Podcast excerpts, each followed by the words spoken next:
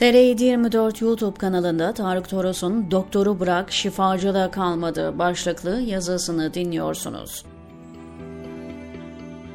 Türkiye epidir içinde tımarhane kelimesi geçen cümlelerle tanımlanıyor. 2023 aydınlanmasından sonra 2024 gerçekleşmeleri gösterdi ki durum bunu aşıyor artık.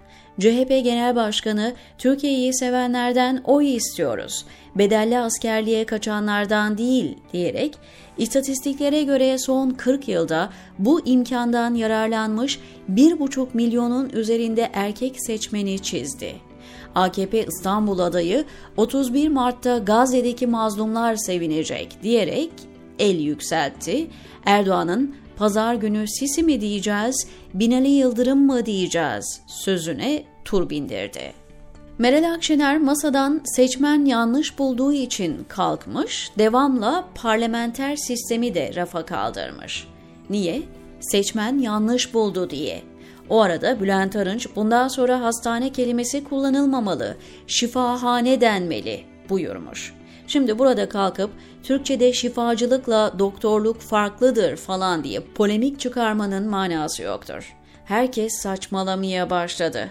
Konuşulması gereken Almanya'daki TC vatandaşı doktor sayısının 2600'ü geçmesidir.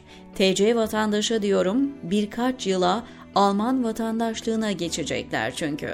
Yine Macaristan Başbakanı Orhan'ın Erdoğan Avrupa kıtasını kurtardı. Türkiye olmasaydı AB ülkeleri istikrarını kaybederdi. Çıkışına yoğunlaşmak gerekir.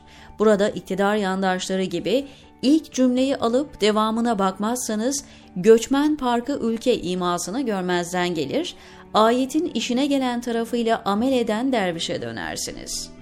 Ayet demişken, sosyal ağlarda hayli ciddiye alınan 1-2 dakikalık hoca videolarıyla hiç mi hiç ilgilenmiyorum. O hoca şunu demiş, öteki şöyle fetva vermiş, bir iki cumhuriyet değerlerini ayaklar altına almış, filanca kadınları meta yerine koymuş vesaire.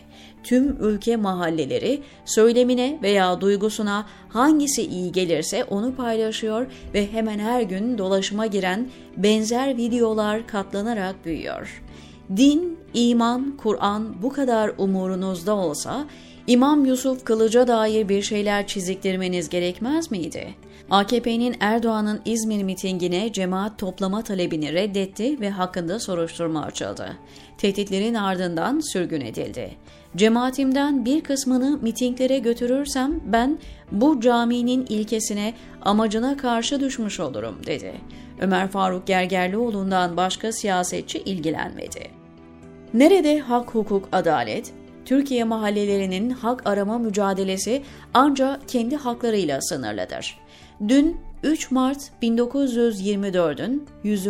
yıl dönümüydü. Meclis bu tarihte 3 yasayı kabul etti. İlk kanunla şeriye ve evkaf vekaleti kaldırıldı. Şeyhülislamlık, şer'i mahkemeler. İkincisi Tevhidi Tedrisat Kanunu'dur. Eğitim kurumları birleştirildi, milli eğitime bağlandı.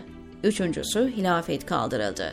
Ezbere büyük kutlamalar yapılırken ilk ikisi atlandı, üçüncüsü üzerinde yoğunlaşıldı. Tabii neyi nasıl düzelteceksin? Burada birer cümleyle değineyim, sonra siz müsait vakitte yoğunlaşır, bir de bu gözle bakarsınız. Bir kere 1924'te veya öncesinde hangi halifelikten bahsediyorsunuz? fiili olarak çoktan bitmiş, son Osmanlı padişahları dahil sanıldığı gibi itibar gören makam değildi hilafet makamı. Meclis noktayı koydu sadece. Tevhidi tedrisata ise bugünkü milli eğitimin içler acısı halini alkışlayacak hal olmadığı için değinilmedi sanırım. Peki ya Şeyhülislamlık acaba 100 yıl sonra yargı neye, hangi esaslara göre hüküm veriyor? Başlarken herkes saçmalamaya başladı dedim. Kastım tek başına Özgür Özel veya Murat Kurum değildi.